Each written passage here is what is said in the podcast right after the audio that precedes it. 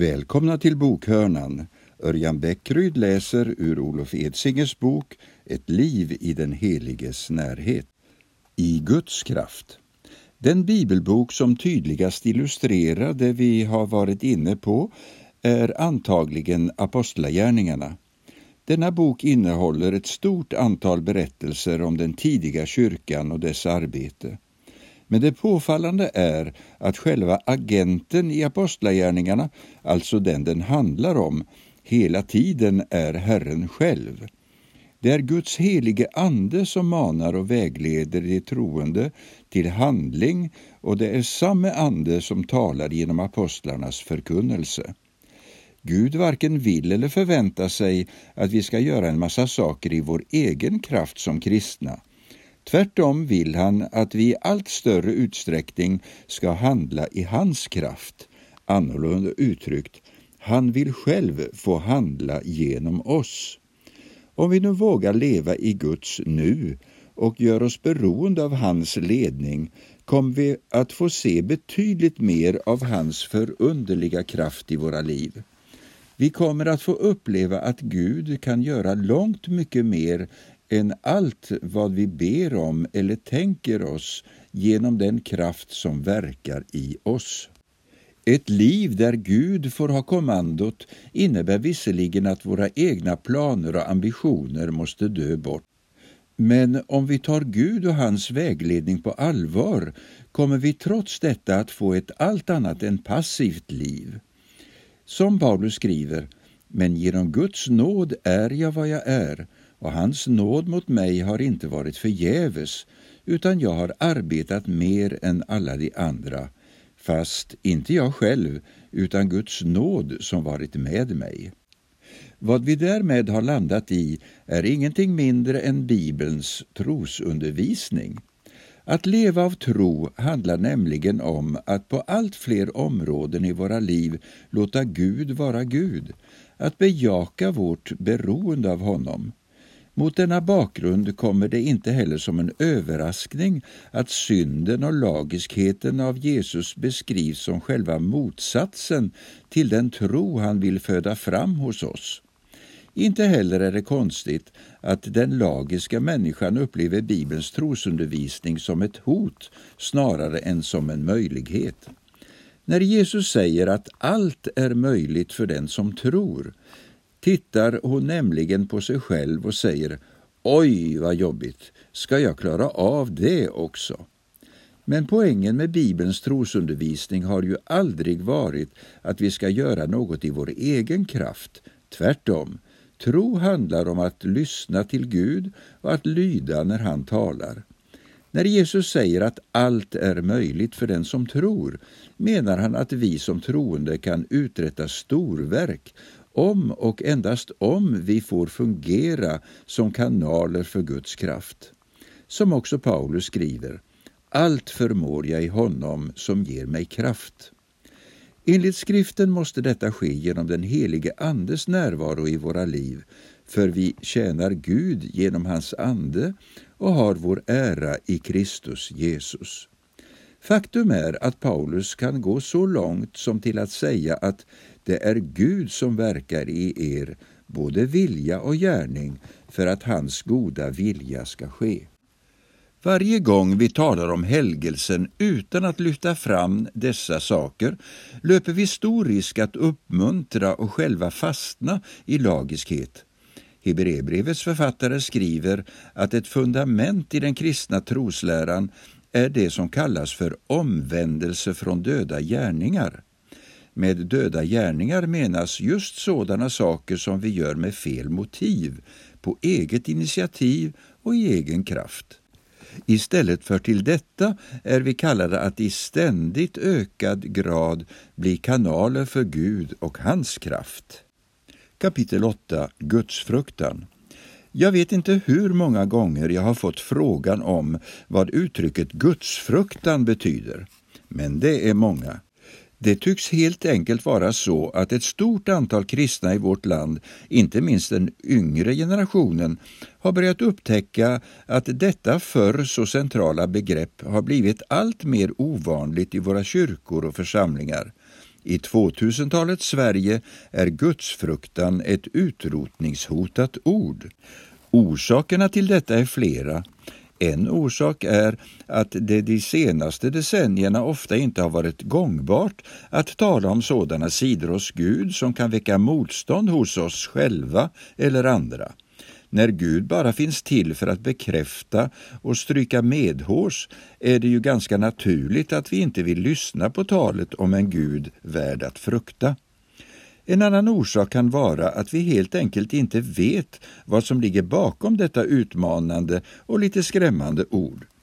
Är poängen med gudsfruktan att vi ska gå och vara rädda för Gud? Låt mig genast säga att jag inte tror att detta är gudsfruktans huvudsakliga innebörd. Låt mig också säga att ja, till viss del kan det nog vara så. Få bibliska berättelser ger en så levande bild av vad gudsfruktan är som Jesajas möte med Gud i templet. Genom att ta del av denna skildring kan vi därför få god hjälp att ringa in vad det i praktiken innebär att frukta Herren. I det år då kung Usia dog såg jag Herren sitta på en hög och upphöjd tron och släpet på hans mantel uppfyllde templet. Serafer stod ovanför honom, var och en hade sex vingar. Med två täckte de sina ansikten, med två täckte de sina fötter och med två flög de. Och den ene ropade till den andre, Helig, helig, helig är Herren Sebaot. Hela jorden är full av hans härlighet. Rösten från den som ropade fick dörrposterna och trösklarna att skaka och huset blev uppfyllt av rök. Då sa jag, Ve mig, jag förgås, ty jag är en man med orena läppar och jag bor ibland ett folk med orena läppar och mina ögon har sett konungen, Herren Sebaot. Då flög en av seraferna fram till mig. I hans hand var ett glödande kol som han med en tång hade tagit från altaret. Med det rörde han vid min mun och sade när nu detta har rört vid dina läppar har din missgärning tagits ifrån dig och din synd är försonad. Och jag hörde Herrens röst, han sade, Vem ska jag sända och vem vill vara vår budbärare? Då sade jag, Här är jag, sänd mig. Det bör knappast råda något tvivel om att Gud, när han möter Jesaja i templet, uppenbarar sig själv som den Helige. Helig, helig, helig, ropar seraferna, alltså änglarna, runt Guds tron och Jesaja ropar Ve mig, jag förgås. Profetens reaktion är fullt förståelig. Gud är fullkomlig, han är helt och hållen ren och i mötet med Herren blir Jesaja överväldigad av sin egen brist på helighet. När vi läser vidare i berättelsen kan vi dock konstatera att budskapet inte stannar med detta. En av seraferna får till uppgift att ta ett glödande kol från altaret. Därefter säger den när nu detta har rört vid dina läppar har din missgärning tagits ifrån dig och din synd är försonad. Av resten av Jesaja-boken förstår vi att mötet med Herren har satt djupa spår i profetens liv. Jesaja har fått möta den helige guden och när han upptäcker att Gud inte bara är helig utan också villig att förlåta honom trots all den synd som han bär på är han beredd att ändra hela sin livsinriktning. Jesajas första reaktion efter att Gud hade uppenbarat sig är därför att på stående fot erbjuda sig att bli Herrens budbärare. Här är jag, sänd mig. Många människor bär på vad jag skulle kalla för en osund rädsla för Herren. Antingen litar de inte på honom, kanske för att de misstänker att han är farlig eller nyckfull, eller så har de någon gång konfronterats med Guds helighet och blivit skrämda. De har upptäckt att Gud stöter bort det som är synd i deras liv. Istället för att be honom om förlåtelse har de dragit sig undan i vrede eller skam. Inte minst med tanke på detta är det intressant att se Jesajas reaktion i mötet med Herren. Även han möter ju Gud som den helige. Även han blir på ett omskakande sätt påmind om sin egen synd. Men Jesaja får också upptäcka något mer. Han får upptäcka att Gud är en förlåtande Gud. När nu detta har rört vid dina läppar har din missgärning tagits ifrån dig och din synd är försonad, säger ängeln med det glödande kolet. Och först då blir bilden komplett. Gud är helig, men han är också nådig. Eller med ett annat språkbruk, Jesus är lejonet av Juda, men han är också offerlammet. Att frukta Gud är i Bibeln detsamma som att leva i medvetenhet om båda dessa sidor hos vår skapare. Det är att i allt vi gör ha både Guds helighet och Guds förlåtelse för ögonen. Till skillnad från rädsla kan man därför säga att gudsfruktan beskriver den troende människans hållning till Herren. Gudsfruktan skulle man kunna säga är en kombination av bävan inför Guds helighet och tacksamhet över hans nåd. Som det så talande formuleras av salmisten Tjäna Herren med fruktan och gläd er med bävan. Psalm 2, vers 11. En hållning med konsekvenser. Vad innebär det då att leva på ett sätt som är präglat av denna inställning? Som jag själv ser det handlar gudsfruktan mycket om att leva konsekvent som kristen. Det handlar om att i alla lägen göra det som är gott och rätt, oavsett om vi för egen del får ut något av det eller inte. Och att när vi trots allt faller i synd, be Gud om förlåtelse för detta.